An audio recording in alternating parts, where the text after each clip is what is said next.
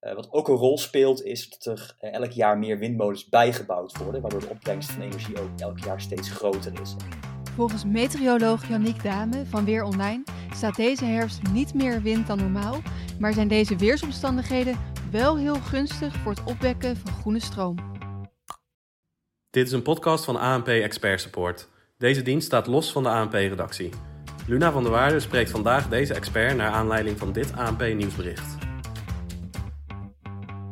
De gasprijs in Europa daalt verder. Dat komt door de relatief hoge temperaturen en de harde wind. Daardoor produceren windmolens in Groot-Brittannië en Duitsland deze week waarschijnlijk meer elektriciteit dan ooit. Een megawattuur gas kost nu 90 euro. Vorige week was dat nog meer dan 100 euro en begin deze maand 160 euro. Hier te gast Yannick Dame, meteoroloog bij Weer Online. De verwachting is dat windmolens meer elektriciteit zullen produceren dan ooit. Waait het nu zo uitzonderlijk hard? Nou, dat heeft eh, alles te maken met de straalstroom. Dat is een, uh, soort van rivier hoog in de lucht, op ongeveer 8 kilometer hoogte. En die bepaalt in grote mate ons weer. En als de straalstroom heel actief is, dan uh, komen ook heel veel storingen, regengebieden en veel wind naar Nederland toe. En dat levert nu dus extra veel ja, wind op en dus meer opbrengst voor de windmolens. En is het dan hardere wind dan normaal gesproken in de herfst bijvoorbeeld? Nou, wat we zien in de herfst is dat het eigenlijk normaal gesproken altijd wel uh, een paar, zeker een paar weken wel uh, wat harder waait. Het is niet per se dat er nu dus meer wind staat dan normaal. Uh, wat ook een rol speelt is dat er elk jaar meer windmolens bijgebouwd worden, waardoor de opbrengst van energie ook elk jaar steeds groter is. En nu zijn de omstandigheden dus wel heel gunstig. Ik kan me voorstellen dat de omstandigheden heel gunstig zijn voor groene stroom en de windenergie. Maar kan er ook nog een punt komen dat het zo hard waait dat we ons zorgen moeten gaan maken? Ja, dat is wel een punt waarop windmolens eh, niet meer zoveel energie produceren en het eigenlijk ook niet meer veilig wordt om uh, de windmolens te laten draaien. Dat is wel pas vanaf windkracht 10. Nou ja, zo'n zware storm komt gelukkig niet zo heel vaak voor, ook op zee uh, niet.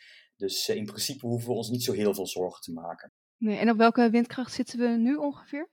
Nou, nu waait het ongeveer ja, vaak windkracht 6, 7 en dat is eigenlijk wel een ideale windkracht voor windmolens. Het uh, herfstweer van nu is uh, dus gunstig om groene stroom op te wekken voor windmolens. Maar zijn er ook andere weersomstandigheden gunstig voor andere soorten groene stroom? Nou, voor windmolens is dus eigenlijk die, die wind echt het meest belangrijk. Als je dan kijkt naar zonnepanelen, dan spelen daar natuurlijk andere dingen een rol. Het moet natuurlijk zonnig zijn. Maar voor zonnepanelen is het ook juist heel belangrijk dat het niet te warm is. Met ongeveer 20 graden uh, warmer neemt de efficiëntie van zonnepanelen 10% af. Dus voor een zonnepaneel is uh, de beste situatie uh, dat het ongeveer nou ja, een graadje of zeg uh, eh, 0 tot 10 is. En de zon wel flink schijnt. Nou, dat zie je vaak toch in, in maart, april. dat zijn de ideale tijden om veel energie op te wekken. In de zomer is het vaak zo warm dat die efficiëntie dus afneemt. Het speelt natuurlijk wel een rol dat de dagen dan langer zijn. Maar als de zon evenveel schijnt als op een vergelijkbare dag in de lente, dan wek je dus in de zomer minder energie op. Ja, en dan hebben we het misschien ook wel iets minder nodig, want hoeven we ook minder te stoken. Dan hoeven we in ieder geval niet meer te stoken. Maar ja, goed, wat natuurlijk in de zomer wel speelt, hè, dat zie je ook steeds meer in Nederland, is dat mensen airco's installeren. Ja, en die vreten natuurlijk ook ontzettend veel uh, elektriciteit. En, en, dan weer even terug naar de herfst, uh, waar we nu midden, middenin zitten. Uh, ja, is dit nou een extreme herfst of welke herfst van de afgelopen jaren um, ja, valt onder de extreme? Nou, deze herfst is eigenlijk vrij normaal. Nou, bij een normale herfst ja, hoort dus ook veel wind, regen, maar komt ook na zomer weer voor. Nou, dat hebben we voornamelijk in september toch echt wel gehad. Dat was een hele warme maand, zelfs in de top 10 warmste ooit gemeten in uh, Nederland. En ook een hele droge maand, ook top 10 droogste ooit gemeten in Nederland. Dus wat dat betreft is de herfst uh, ja, eigenlijk heel erg warm en droog, met relatief weinig wind uit de startblokken gegaan. Uh, maar oktober nu loopt het echt wel in. Er valt veel regen, het waait ook een stuk harder. Uh, ja, dus, dus de herfst is zacht begonnen, maar we gaan toch wel wat meer uh, richting normaal toe. Terwijl de temperaturen wel redelijk hoog zijn. De temperaturen zijn inderdaad redelijk hoog. Nou, dat zagen we ook uh, al eerder, hè, dat de temperatuur richting, richting de 20 graden ging, zelfs in oktober. Nou, de komende tijd zit dat er in ieder geval niet meer in. dan hebben we meer te maken met vrij normale waarden rond uh, graad of 14. Komt dat dan echt door klimaatverandering dat het nu bijvoorbeeld ook een stukje warmer is, ondanks dat het koude weer op de loer ligt?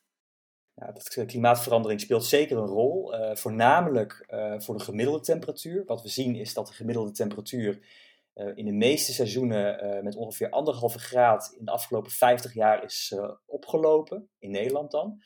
Ehm, ja, en als die, die, gemiddelde temperatuur dus ook oploopt, dan zie je dus ook dat de dagen gemiddeld gezien natuurlijk warmer worden. En uit onderzoek blijkt ook dat de, de, warme extremen steeds hoger worden. En dat zagen we bijvoorbeeld in de zomer van 2018, 2019, toen ook 40 graden werd in Nederland. Ja, dat, dat speelt allemaal wel, wel een rol. We hebben nu een relatief warme herfst, ondanks dat het koude weer op de loer ligt. Maar het wordt natuurlijk gemiddeld gezien wel steeds warmer. En ja, hoe warmer het wordt, hoe minder we hoeven stoken, waardoor we minder aardgas gebruiken. En aardgas is natuurlijk heel slecht voor het milieu. Heeft in die zin het veranderende klimaat niet ook voordelen? Ja, in die zin heeft het veranderende klimaat inderdaad wel voordelen. Maar wat eigenlijk misschien wel een grotere rol speelt nog, is eh, de efficiëntieslag die we nu in de energiesector maken. We zien bijvoorbeeld dat HR-ketels eh, veel efficiënter zijn geworden. Huizen worden steeds beter geïsoleerd. En uh, dat scheelt echt wel heel veel. Dat scheelt een slok op een borrel. Um, en die temperatuurstijging van anderhalve graad. Dat helpt natuurlijk altijd mee. Maar het feit dat we beter isoleren en ook uh, betere gaskachels hebben, dat werkt natuurlijk ontzettend mee. Dus we zijn eigenlijk best wel de goede kant op als Nederland. Ja, dus daar gaan we zeker, uh, daar, daar, maken we echt goede slagen in. Nou, Nederland uh, doet het ook goed natuurlijk nu. We gaan, ja, die energietransitie gaat ook steeds, steeds sneller. Hè. We gaan van het aardgas af. Maar goed, daarbij is het wel heel belangrijk om de huizen goed te isoleren. En ik zeg ook altijd, we isoleren natuurlijk wel heel goed voor, in de, voor de winter. Nou, die wordt wel zachter, dus dat speelt dan ook geleidelijk aan minder een rol. Eh, maar het is ook belangrijk in die isolatie in de zomer dat je bijvoorbeeld wel de warmte buiten kan houden. Wat je nu vaak ziet is dat mensen bijvoorbeeld gordijnen binnen in huis hebben hangen. De zon alsnog een beetje binnenkomt en ehm, in zo'n goed geïsoleerd huis het dan alsnog behoorlijk warm wordt. Uh, terwijl die warmte er eigenlijk niet meer goed uit kan. Dus ik zeg altijd, uh, hang screens aan de buitenkant van je huis. Dan hou je de warmte buiten in de zomer. Dat scheelt heel veel. En ja, in de winter uh, met die isolatie hoef je dan eigenlijk bijna niet meer te stoken. En over de winter gesproken, um, ja, die ja, komt toch ook wel langzaam om het hoekje kijken. Heb je al verwachtingen voor de aankomende winter? Nou, het is toch wel uh, ver weg de winter, dus ik zou daar niet direct een uitspraak over durven doen. Want we zagen wel dat andere weerbedrijven um, al wel voor een strenge winter gingen, maar dat, dat roepen ze eigenlijk elk jaar. Dat zou ook een van de redenen kunnen zijn geweest dat de gasprijs nu behoorlijk gestegen is. Er zijn natuurlijk meerdere factoren die daar een rol bij spelen.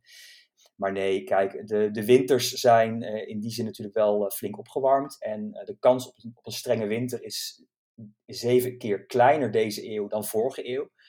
dus statistisch gezien kunnen we in elk geval, wel zeggen, ja, de kans op een strenge winter is gewoon wel klein. De kans is veel groter dat het gewoon een normale winter wordt uh, waarbij het, ja, de temperatuur toch vaak tussen de 5 en 10 graden ligt overdag.